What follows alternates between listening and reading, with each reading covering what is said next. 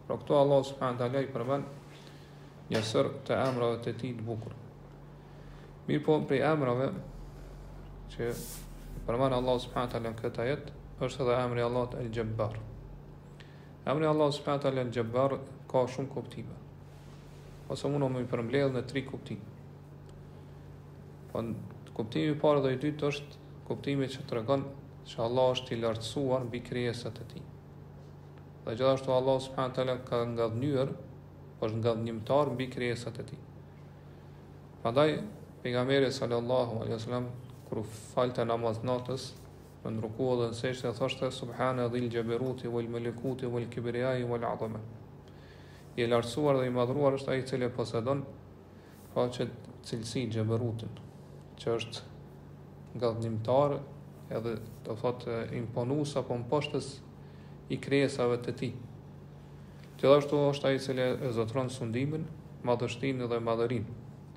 Prandaj Allahut nuk ka mundësi pra që krijesat me i bën ndonjë dobi Allahut subhanahu taala.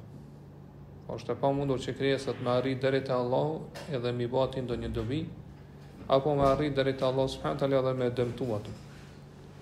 Prandaj Allahu subhanahu taala është ai i cili i mposht dhe i nënshtron tiranët, ata që janë Pra që e ndinë veten të madh, ata që e vinë do thotë shtypin të tjerët, që janë diktatorë. Allah subhanahu taala është ai i cili i mposht ata. Allah subhanahu taala pra është lartësuar mbi ta me lartësinë dhe madhështinë e tij. Prandaj është përcjellur në Sunenin e Ibn Majhës me zinxhir të saktë prej Ibn Umerit radhiyallahu anhu, i cili tregon se ka dëgjuar pejgamberin sallallahu alaihi wasallam duke thënë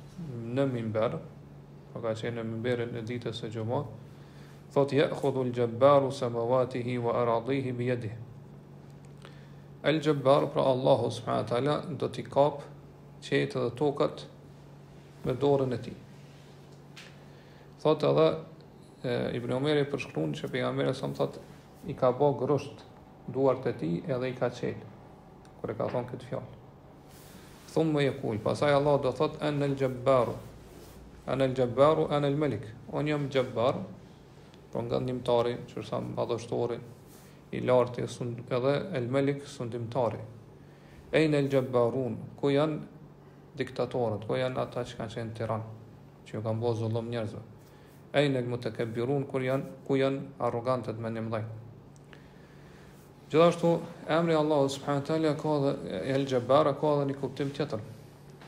Ne që mund me thonë është e kundërta e këtij kuptimi, e që tregon për cilësinë e butësisë dhe mëshirës. Pra po që El Jabbar do thotë është ai i cili është i mëshirshëm edhe ka dhembshuri dhe butësi ndaj krijesave të tij.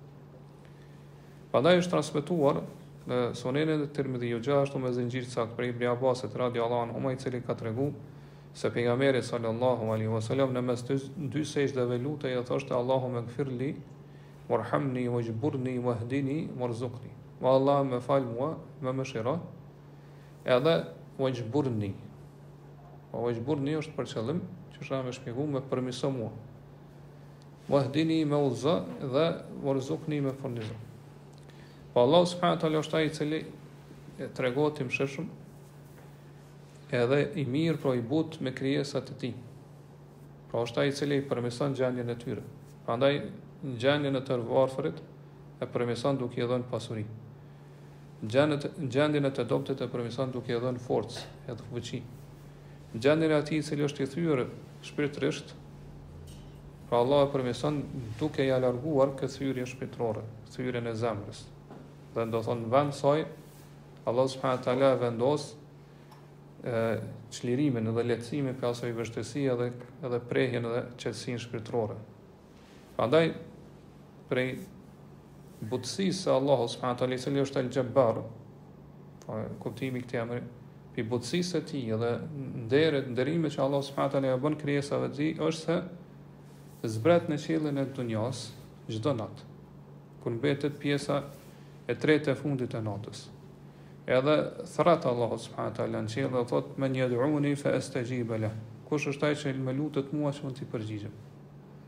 O men jes elu ni fa uatje, kush është ai cili kërkon prej meje që unë t'i jap.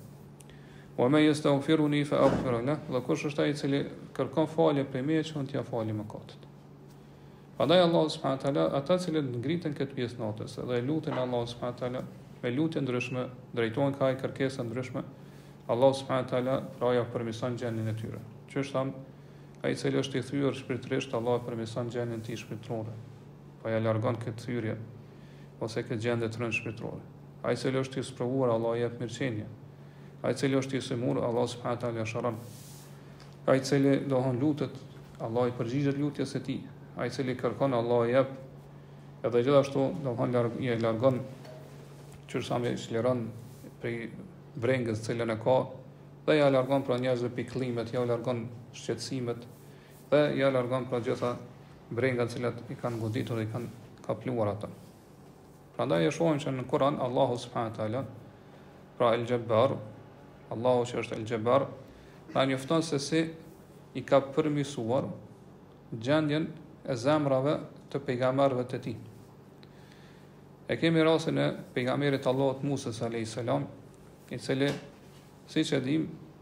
Pas, pasi që i ka shkëmbyer disa fjalë dhe biseda me Allahun subhanahu wa taala, ka pas dëshirë të madhe me pa Allahun. Po prej kënaqësisë që ka përjetuar gjatë bisedës me Allahun ka pas ka shfaq dëshirë që me pa dhe Allahun subhanahu wa taala, me pa qenien e tij. Mirëpo po Allahu subhanahu wa taala po i ka treguar që kjo është e pamundur në jetën e kësaj bote.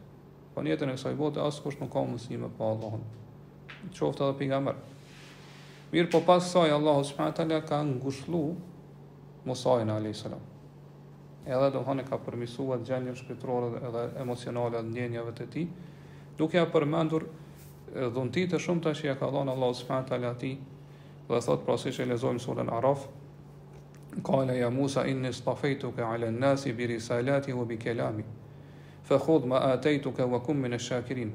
Pastaj Allah i tha, O Musa, unë të kam përzgjedhur ty në mesin e krejt njerëzve. Të kam përzgjedhur për me të zbrit shpalljet edhe me fol me ty direkt. Po ti domethënë i dalluar në mesin e krijesa, në mesin e njerëzve. Me këtë dhunti kaq të madhe, me këtë mirësi kaq të madhe. A ka dhuratë më të madhe se sa Allah me të fol direkt dhe me të zbrit shpallje. Andaj thotë, merre atë që ta kam dhënë ty, Po kapu fort mas shpalljes që ta kom zbrit ty edhe bëhu prej mirënjohësve prej falënderuesve. Po ashtu e dim që pejgamberi sallallahu alaihi wasallam kur është dëbuar prej Mekës, prej atdheut të tij, që ka qenë pra vendi më i dashur për pejgamberin sallallahu alaihi wasallam, para se me dal prej Mekës, është ndalë dhe ka qëndruar mbi një kodrinë të vogël, Pra, në kufijtë e Mekës. Edhe ka thonë ma atjabeki min beled, sa ven i mirë je ti, sa ven i bukur edhe i mrekullueshëm. Wa ehabbeki ilejje, sa ven i dashur je tek unë. Wa laula enne kaumi ekhrexhuni minki, ma sekentu gajreki. Sikur mos të ishte që populli im më dëbuan prej teje, kurrë nuk, dish, do, dish, nuk do të kisha shkuar me banu dikun tjetër, përveç teje.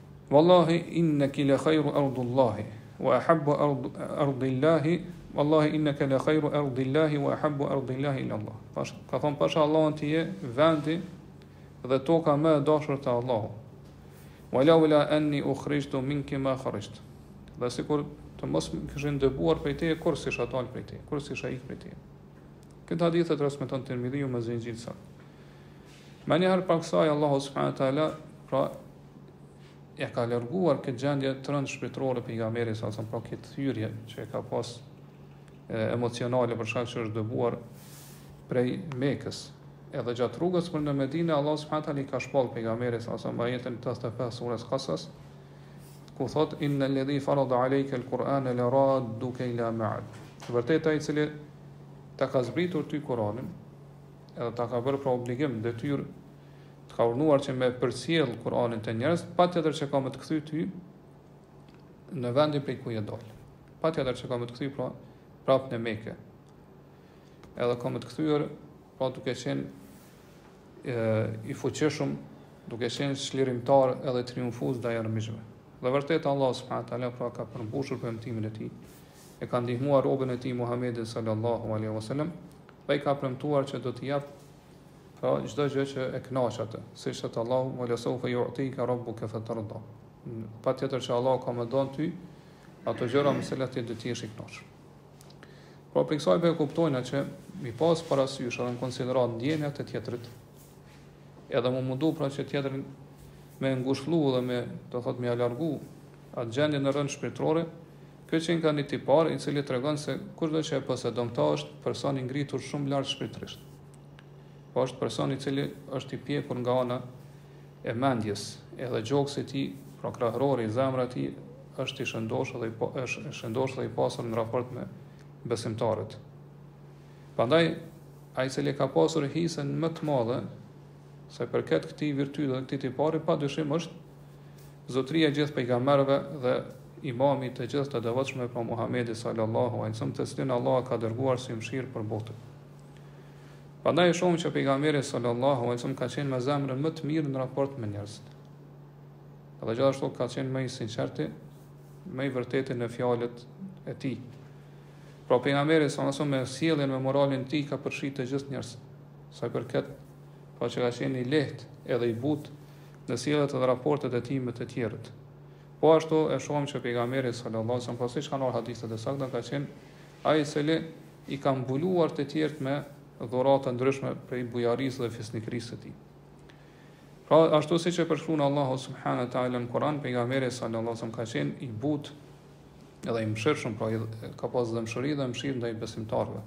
Gjithmonë u mundu që pra me i përmisu ato e, hatrin e tyne, pa po, mendjen, zemrën, edhe gjendjen shpirtërore dhe kështu, kështu me radhë. Pa po, gjithmonë pejgamberi alejhi selam ka pyt për gjendjen e tyre, pa po, është interesuar se, se si është gjendja e shokëve të tij dhe besimtarëve në përgjithësi. Nëse dikush ka mungu, pejgamberi alejhi selam ka pyt për të. Nëse dikush ka qenë i smut, pejgamberi alejhi selam ka shkuar dhe e ka vizituar. Nëse dikush prej tyre ka përgatitur ushqim për pejgamberin alejhi selam dhe nuk i ka pëlqyer, kurrë pejgamberi alejhi selam nuk e ka kritikuar ndonjë ushqim. Në mënyrë që ai i cili ka përgatitur këtë ushqim mos me u ndi keq shpirtërisht që pejgamberi alejhi selam tash nuk po e han ushqimin tim. Dhe e, kur pejgamberi i është përcjell i është transmetuar që dikush prej shokëve të tij ka thënë diçka jo të mirë, diçka të keqe, po të papëlqyeshme pejgamberit sallallahu alajhi wasallam nëse ka kritiku ose nëse ka e këshillu në publik nuk e ka përmend emrin e tij. Mirëpo ka thonë ma balu kaumin jekulune kedha ve kedha. Ç'është puna e disa njerëzve që thonë kështu dhe ashtu. Këtë këto për ne se e ka bërë mënyrë që m'i, ruj, m'i, m'i rujt, pra m'i pas konsideratë ndjenjat e shokëve të tij, ndjenjat e muslimanëve. Dhe gjithashtu me fitu pra dashurinë e tyre.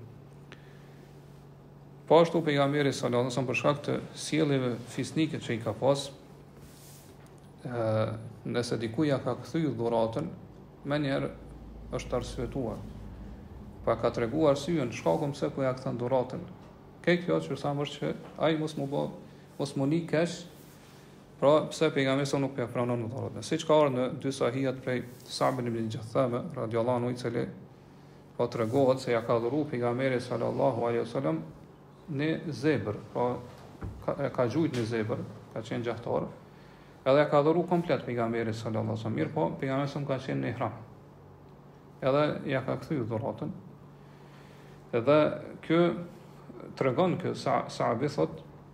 Kur e pa pejgamberi sa me thonë pi çehrës teme, që m'u ndryshu mu çehrja, pse po ma, ma këthen dhuratën time, i ka thonë lejse bina raddun alejk, nuk është, nuk është qëllimi jem që me ta kthy ty dhuratën, nuk se me ta pranu.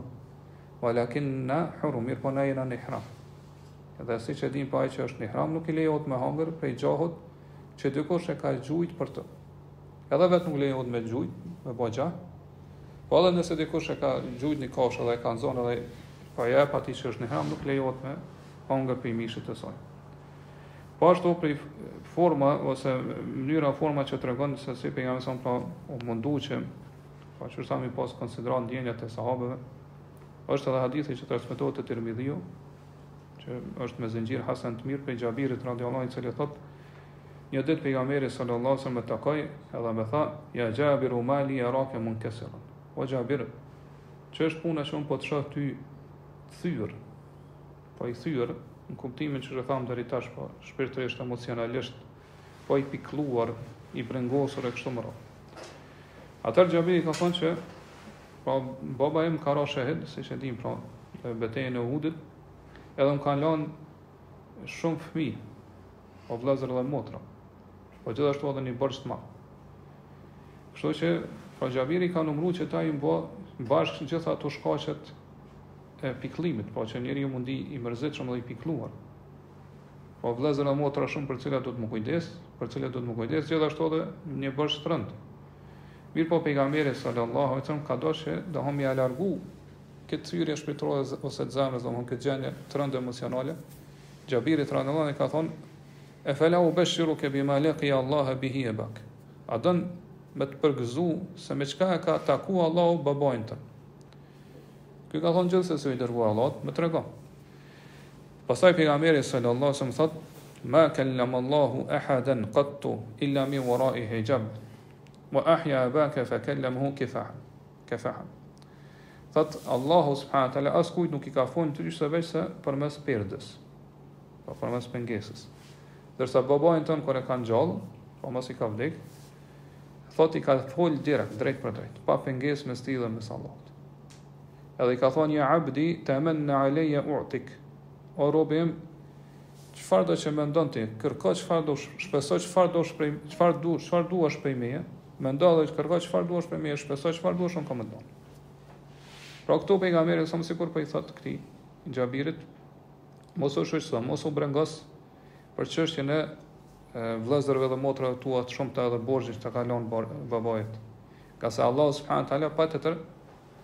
Pra, ka me la borxhin e babait tën, edhe ka me qenë pra i mëshirshëm me fëmijët e tij, pra me vëllezërit e motrat tua. Po mirëpo un po të përgëzoj ty me diçka që e ka arrit, pra një, një shkallë shumë të lartë, një shpërblim shumë të madh babai yt, pra që ka ka arrit me qenë shumë afër Allahut subhanahu wa taala, sa që Allahu pra e ka nderuar në këtë formë, pra që i ka fol direkt. Dhe nuk ka dyshim pra që edhe humbja e fëmijës Shkakton një çarje dhe thyrje të madhe në zemër. Edhe është një shkak dhe arsye që njeriu me ndje mërzi dhe pikëllim të madh, pra thyrje shpirtërore dhe zemrës. Prandaj ai që është sprovuar me këtë gjë ka nevojë që domethonë të tjerët m'u mundu që me e mbyll këtë thyrje që është shkaktuar në zemrën e tij pra në, në shpirtin e tij, m'u mundu me përmisu pra gjendjen e tij shpirtërore. Për këtë arsye ka ardhur në Sunenin e Nesaiut me zinxhir të saktë se një prej sahabeve, shokëve të Pejgamberit sallallahu alajhi wasallam, i është i ka vdekur fëmija i tij, po djali. Edhe kjo ka qenë arsye që ai prej mërzisë të madhe, po është izolu prej sahabeve, është izolu prej njerëzve, nuk është përzi më me ta. Dhe pejgamberi sallallahu alajhi wasallam pas një kohe ka pa që nuk po e sheh në mesin e sahabeve dhe ka pyet për të. Po ç'është puna me filanin që nuk po e shoh. Edhe i kanë treguar pra pejgamberit sallallahu alajhi wasallam që ai fëmija cilin e ke pa me të ka vdek. Atëherë pejgamberi sallallahu alajhi wasallam ka shkuar dhe e ka taku. Edhe ka pyet për për djalin e tij, ka tregu pra për birin e tij që i ka vdek. Kështu që pejgamberi sallallahu alajhi wasallam një herë e ka ngushëllu. Edhe ka thonë o filan. Cila është më e dashur për ty? Me ta pas lon Allahu subhanahu wa taala fëmin ton, Po djalin tënd me jetu gjatë edhe ti m'u knaq me, me të, pra duke, duke e shoqru ose duke të shoqru ty, apo që nesër në ditën e kijametit, pra me taku djalin ton, fmin ton në një prej dyerve të xhenetit, edhe pra që me gjet që ai të ka parapri ty, edhe me ta hap ty atë derë t'xhenetit edhe me hi bashkë në xhenet. Ka thonë, o i dërguar i Allahut, ma e dashur për mu është kjo e dyta, pa dyshim, që ai me m'parapri mu edhe me hi s'bashku në xhenet. Kjo ma e dashur për mua, atëherë pejgamberi sallallahu alajhi wasallam ka thonë fedhake lek. Kjo, kjo është shpërblim që të pret ty. E kjo pa dyshim është një ngushllim i madhë, për atë i cili është sprovuar me këtë gjë. Dhe siç e dim një dit, pra një prej një erërave të forta po ka fry në Medine, edhe ja ka zbulua, zbuluar kërcinjët Abdullah ibn Mas'ud radhiyallahu anhu. Abdullah ibn Mas'ud i ka pas kërcinjt shumë të dobët.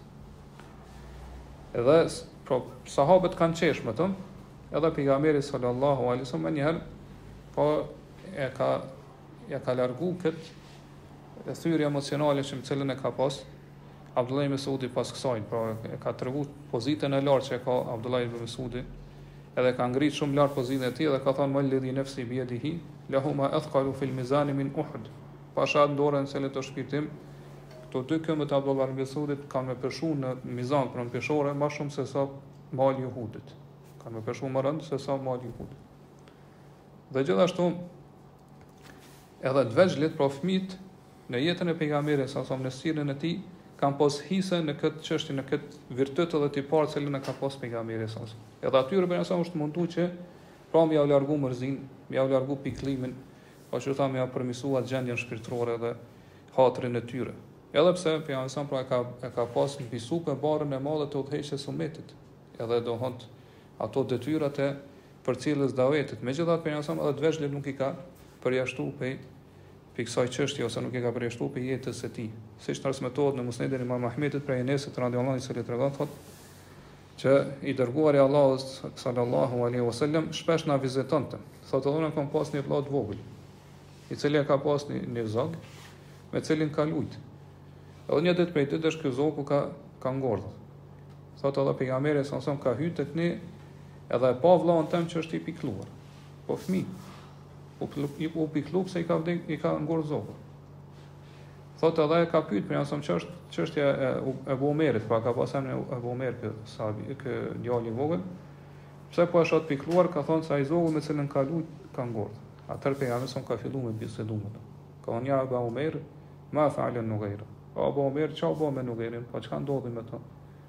Tash ne duhet këtu me ndal me me me me, meditu rreth këtyre fjalëve rreth këtij hadithit pejgamberit sallallahu alajhi wasallam, se si kanë qenë pra ndjenjat e emocionet e këtij djalit vogël, Këtij djaloshit i cili ka qenë i pikëlluar dhe kur pejgamberi sa ka fillu me pyet po edhe ai është çu pastaj në bisedë me pejgamberin sa ja ka shfaq ato ndjenjat pra e atij do të thonë përzira ato pikëllim pikëllimin që e ka pas i ka përmend pra kujtimet me këtë zogun e kështu me radhë këtu pra i ka bisedu me pejgamberin sallallahu alaihi wasallam prandaj pra ky hadith na tregon se vërtet pra ngushëllimi ka ndikim të madh edhe në zemrën atij i cili është Po fëmijë i vogël djalosh e dhe që e dëgjon, zemra e tij është thyer për ndonjë arsye ose për ndonjë për këtë arsye ose ndonjë arsye tjetër. Pra, prej gjërave që hin në këtë çështje, që arabisht quhet xhebrul khawatir, pra mi pas parasysh konsideratë ndjenjat e tjera. Mendimet e tij, emocionet e kështu me radhë, e kjo prej gjërave që i përfshin kjo çështje është me tregu Po me qenë i buzëqeshur ndaj tjerëve, po me mi prit tjerët me çehre të mirë, mi uru, kur është nevoja, nevoja mi uru për gjëra, gjithashtu, mi, do thot, nëse folë, me ia dhon dorën, mi, mi përqafu, edhe me marrë pjesë së bashku me ta në gëzimet e tyre, por gjithashtu edhe në pikëllimet dhe mërzitë e tyre.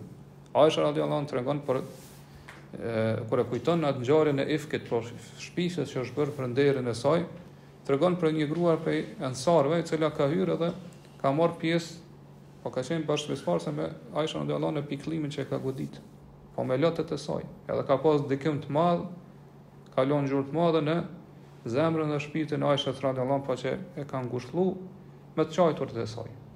Siç ka ardhur te dy sahihet, Aisha radiallahu anha tregon thotë, kam qajtur rresht pa ndal dy net e një ditë. Po kurrë s'kam ndal, vetëm kam qajtur, kur e kam dëgju këtë shpifje. Dhe gjithashtu thot s'kam fjet fare, vetëm kam qajt. Sa që thot kam mendu që kam me vdek prej qajturit shumë. Thot atë një ditë ishim bashkë me dy prindërit mi, po me Abu Bekrin edhe edhe nanën e saj, thot edhe Një grua prej ensarëve kërkoi, nuk po e përmend emrin e saj, mirëpo thotë kërkoi leje me hy. Thash, edhe unë i dhash leje, thotë u ul bashkë me mua dhe filloi me qajt bashkë me mua.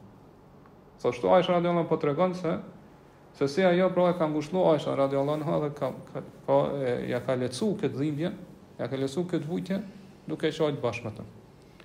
Dhe kështu pra është gjendja shumë prej metodave ose mënyrave se si ne duhet pra mu mundu që mi ngushëllu tjerët ose me jav largu mërzinë dhe pikëllimin duke që është u mundu mi përmirësu ose me, me mbyllë atë thyerjen shpirtërore të cilën e kanë përjetu ata. E kjo, do është nganjëherë mjafton një buzëqeshje që është e sinqertë ia dhon tjetrit, ose një fjalë e ngrohtë, pa po që është plot dhembshuri, ose ndonjë justifikim arsyetim nëse ke bo gabim ndaj tij. apo ndonjë lutje e kështu me radhë. Mjafton ndoshta një një prej këtyre që domethënë me ngushëllu ato ose me ia largu atë mërzi apo atë pikëllim. Dhe padyshim ata të cilët do të kenë hisën më të madhe në këtë virtyt edhe te bartonin, janë familja jonë. Sidomos prindërit tanë, bashkëshorti ose bashkëshortja, fëmija, vëllezërit edhe motrat, edhe të tjerë prej të afërmit tonë. Do të mundu që sa më shumë pra atyre, pra mi pas në konsideratë ndjenjat edhe emocionet e tyre. Pra që është me marrë pjesë bashkë me ta në këto ndjenja. Edhe mi a kujtu vetes që kjo është prej adhurimeve madhështore për cilën, për cilën na shpërblen Allahu i cili është El Gjebbar, i cili na shpërblen me shpërblime të mëdha. Në dy sahihat tregohet, përcillet prej pejgamberit sallallahu alejhi ve selam i cili thotë se,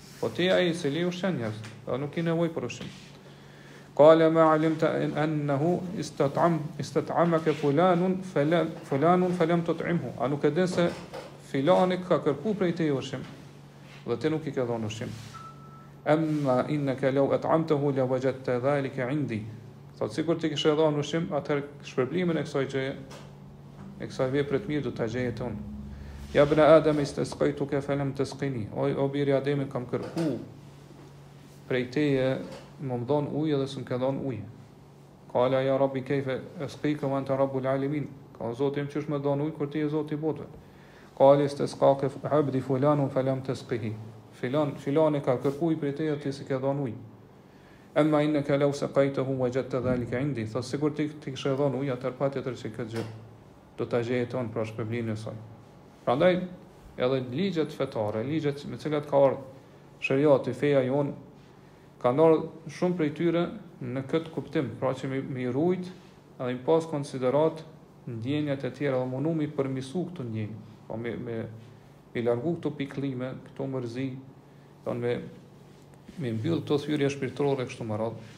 Për këtë arsye pra është ligjësuar edhe është e preferuar në fe që e, me ngushëllu tjetrin kur i vdes dikush.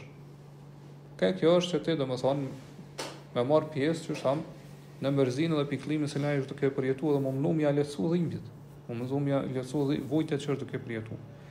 Po ashtu prej urtësive pse është ligjësuar zekatul fitri, është që pra me përmirësu ose Pra me përmirësu gjendjen emocionale dhe atë thyrjen e zemrave që përjetojnë të varfërit në ditën e Bajramit, pra që edhe ata me ju gëzu ditës së Bajramit ashtu qysh i gëzohen të pasurit.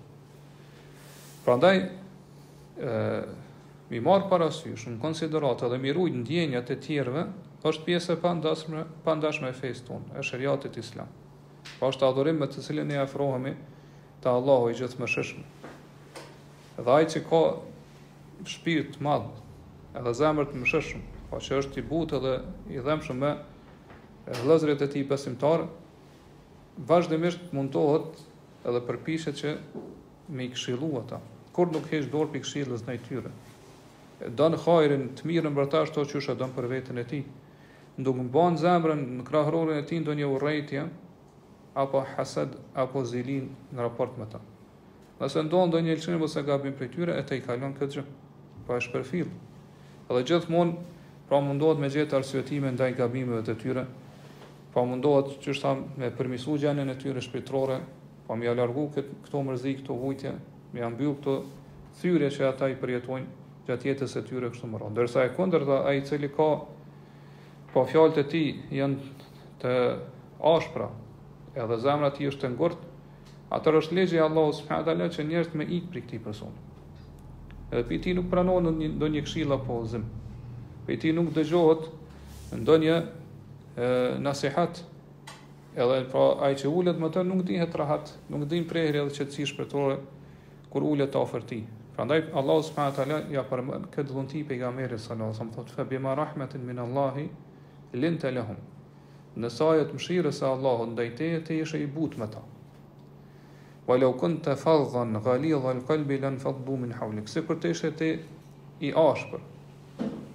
me fjalë të rana, apo arrogant, atëherë ata sahabët po do të ikshin prej teje. Nuk do të nuk do të qëndronin afër teje. Sahabët, domethënë njerëzit më të mirë pas pejgamberëve, nuk do të qëndronin afër pejgamberit a.s. Nëse ai kish përdor fjalë të rana ose fyese ose të ishte i ashpër dhe arrogant në raport me të. Dhe pra Për fund mundem me përmend edhe hadithin e Enes ibn Malikut radiallahu i cili tregon këtë virtyt ose këtë tipar që e ka pas pejgamberi a.s. pra butësinë në raport me shokët e tij. Thotë një ditë, pra hadithi transmetohet te Muslimi, thotë ishim në xhami me pejgamberin sallallahu alaihi wasallam edhe erdhi një beduin. Edhe siç e dimë, siç e dimë pra beduinët nuk kanë pas nuk kanë qenë pra nuk kanë pas edukatë.